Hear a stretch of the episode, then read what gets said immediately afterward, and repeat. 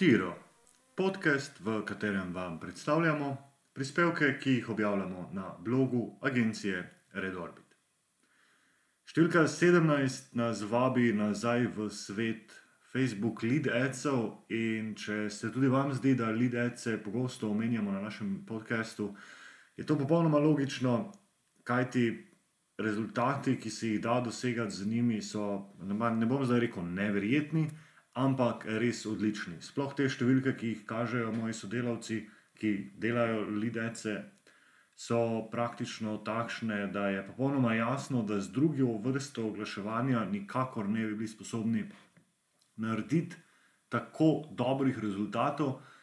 Ker osnovna logika, to, da se neposredno v glasu prikaže forma, omeji, zmanjša število konverzijskih korakov, in logično prinese več lidov, in ne samo več lidov, z dobrim Facebook targetingom, prinaša tudi boljše lide. Z strategijami lidec oglaševanja se je tokrat ukvarjal Klemen, Klemen, ki mislim, da ga imamo danes tukaj prvič, mislim, tukaj, ni ga tukaj, doma je, ampak njegov prispevek imamo prvič. In Klemen pravi, da je pomembno vprašanje, ki si ga je zastavil v življenju, kaj imajo skupnega Facebook lead ads in osvajanje punc. Ziger je najdel kakršnih kaj pametnih skupnih točk. Kaj ti pravi, da smo ljudje družbena bitja in čeprav se tega mogoče ne zavedamo, na svet in druge ljudi gledamo skozi prizmo nenapisanih pravil, ki so v skladu z našimi prepričanji, vrednotami in pogledi na svet. Mnogi temu rečejo cena obdobja, v kateri je povprečen človek večino svojega časa. In če v stiku z sočlovekom ne spoštujemo cone obdobja, lahko ta zelo hitro razvije negativna čustva ali celo odpor. Prašite se, kako bi se odzvala gospodična, ki bi jo na ključno srečali v mestu in jo takoj povabili v postlo. Mhm, točno tako bi se odzvala. Ravno zato je potrebno spoštovati ta nenapisana pravila in se dvorjenja lotiti po korakih. Večja verjetnost uspeha bi bila, če bi gospodični nekako pomagali, recimo pridržali vrata ali stal pobrali knjige, ji odprli vrata taksija in tako pridobili njeno pozornost. Po kratkem pogovoru bi vam gospodična zaupala telefonsko številko in dala dovoljenje za nadaljno komunikacijo. Na to pa preko SMS sporočil in klicev se dogovorite za zmenek in po drugem ali tretjem zmenku bi se nemara gospodična res lahko znašla v posteli. Torej, še enkrat obnovimo Klemnova tri pravila hitrega in kvalitetnega dejanja. Številka ena, predržite ji vrata, številka dva, pošljite SMS, številka tri je v posteli. Podobno kot v tej zgodbi je tudi s spletnim oglaševanjem. Najprej morate uporabnikom nekaj dati oziroma si izmenjati, da pridobite dovoljenje za nadaljno komunikacijo. In v digitalnem svetu je najbolj tipično, da vam posameznik dovoli nadaljno komunikacijo, ko vam zaupa svoj e-poštni naslov. In sveti Seth Godin pravi, da se takoj, ko vam oseba odda svoj e-mail naslov, začne marketing z dovoljenjem. Če vam nekdo zaupa svoj e-poštni naslov, vam s tem odpre neposredno pot za nadaljno komunikacijo, skozi katero lahko večkrat pošljete razna sporočila in to skoraj brezplačno. S pomočjo Facebook oglaševanja je zbiranje podatkov in dovoljenj za nadaljno komunikacijo s potencialnimi strankami lažje in bolj učinkovito.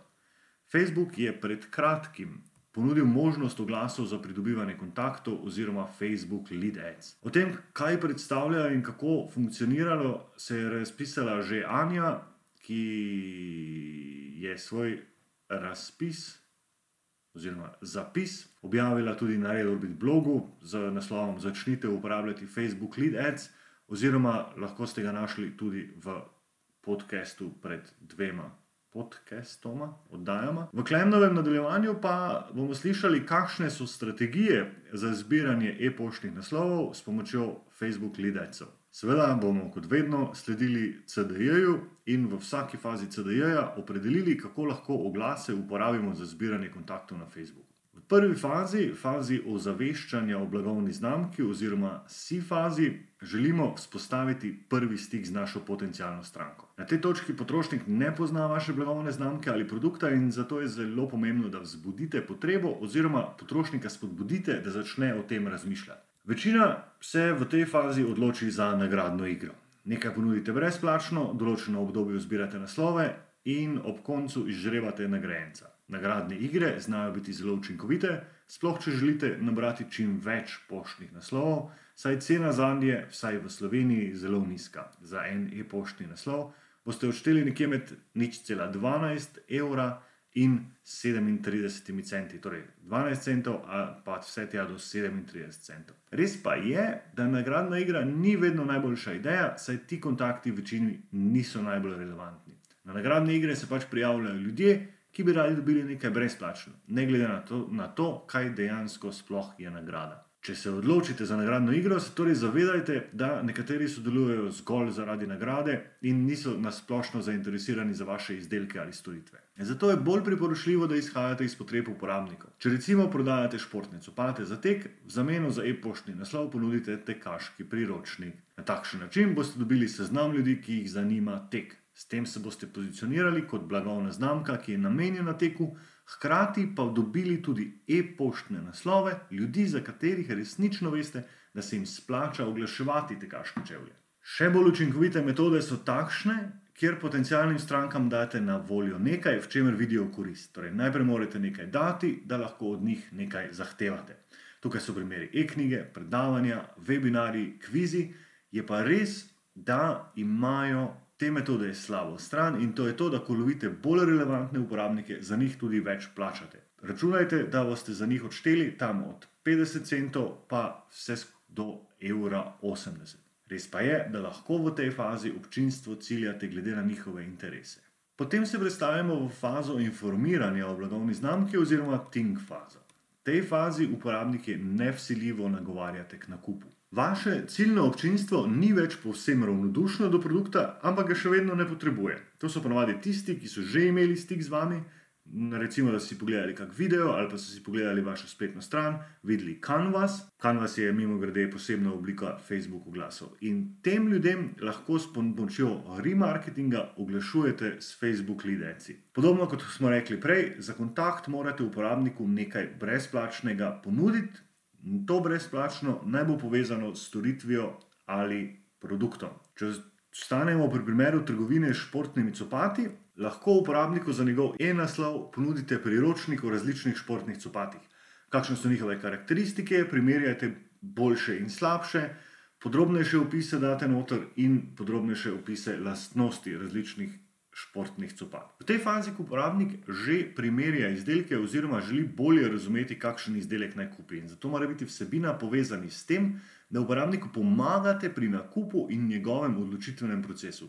Tukaj je pomemben namik, zelo dobro vam bodo pomagali priročniki in nasveti za nakup izdelka. Cena za takšne kontakte je načeloma nižja kot za relevantne ljudi, ki vas še ne poznajo, saj nagovarjate zelo specifično skupino ljudi, ki je bila z vami že v stiku. Za te uporabnike tudi dobro veste, kako jih nagovarjati, kaj saj predvidevamo, da že dobro poznate svoje persone, veste, kakšne so njihove potrebe in veste, kakšne so njihove težave. Tako se cena za kontakt giblje okoli 50 centov. V nakupni fazi, v fazi DU, nagovarjamo tiste uporabnike, ki so se v nakupnem procesu ustavili tik pred zaključkom transakcije. Ponovadi je to takrat, ko je uporabnik dal produkt v košarico, ampak ga ni kupil. In razlogov za to je lahko več. Pomembno je, da zaznate te razloge in da s pomočjo popustov in daril uporabnika s ponovnim trženjem, torej remarketingom, prepričate, da izdelek vseeno kupi. Tiste, ki so izdelek pustili v košarici in ga niso kupili, lahko lovite s Facebook lideci, kjer jim v zameno za njihov e-mail naslov ali še kakšno drugo informacijo ponudite kodo za popust, podaljšano garancijo ali pa brezplačno poštnino. Ponovadi lahko za takšne kontakte pričakujemo najviše konverzijske stopnje, saj so že tik pred nakupom in jih s pomočjo teh oglasov samo še spodbujamo podbudite k akciji. Da ne bomo čisto teoretični, še nekaj primerov dobre prakse, torej ena, dva, tri primera dobre prakse. Prvi, daljši ali krajši, kaj je boljše. Sami, ki ste kadarkoli izpolnjevali kakšno anketo, ali pa ste celo sami pripravili anketo, ste zagotovo ugotovili, da več vprašanj, ko postavite, manj vprašalnikov bo rešenih, in obratno, manj, ko bo vprašanj postavljenih, več vprašalnikov bo rešenih. Enako velja tudi za prijavnice in druge obrazce. Več vprašanj vzame več časa, po drugi strani pa precej ne radi razdajamo svoje osebne podatke. Facebook lideci so drugačni. Uporabniki lahko prosite za več podatkov, pa to ne bo zahtevalo več njihovega časa. Saj Facebook sam predizpolni obrazec s podatki, ki mu jih uporabnik že zaupal. Tako lahko uporabnike prosite za ime in primek, e-pošto, datum rojstva in kraj, in vse te podatke bo Facebook samodejno izpolnil. Vsekakor pa še vedno poskrbite, da od uporabnika ne zahtevate preveč, saj A, nihče ne, raz, ne rad razdaja svoje osebne podatke, in B, seveda se moramo držati tudi zakonodaje in pač zbirati samo tiste podatke, ki jih nujno potrebujemo. Na svet številka 2 uporabite lead adse za kaj drugega kot za e-naslov. Oglasi za zbiranje kontaktov na Facebooku uporabnika pripeljejo do obrazca, ki je primarno namenjen zbiranju e-naslovov. To je res. Ni pa nujno, da zbiramo samo en naslov. Če tega ne želite, lahko odkljukate okence, da bi radi imeli uporabnikov en naslov in na mesto tega postavite svoje vprašanje. Recimo, mi smo v enem projektu, ki smo ga delali, želeli izvedeti, zakaj se ljudje ne odločijo za nakup in izdelek pustijo v košarici, in smo se odločili, da naredimo preprost, preprost oglas, v katerem jih prosimo za ime in odgovor na vprašanje. Opazili smo, da ste produkt X dali v košarico. Nam lahko zaupate, zakaj se niste odločili za nakup. Strategija številka 3: povabite jih na spletno stran. Ko uporabnik izpolni obrazec in odda svoj e-mail naslov, ga lahko napotite na določeno spletno stran, in zelo pogosto je, da so uporabniki svojo pot iz obrazca nadaljevali na spletno stran in nekaj kupili. Zato je pametno, da če smo zbirali njihov e-naslov, da jih pošljemo na spletno stran in da jim damo tam priložnost, da še nekaj kupijo.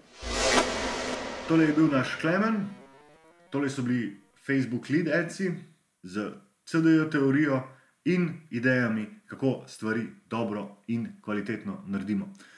Vsekakor jih uporabljate, se sem že na začetku razlagal, kako super jih uporabljamo mi in naše stranke. Še bolj super pa je, če greste v iTunes in kliknete 5 zvezdic ali pa 4, mogoče še 3, ne glih 2, 1. Če je res ta sila, da morate klikniti ena, pa pač kliknite eno zvezdico. Veseli bomo tudi komentarjev, veseli bomo, da kliknete subscribe in nas enostavno redno poslušate. To je bil 17. tiro, to je bil vsak teden nov blog post, vsak teden nov podcast in to sem bil Peter.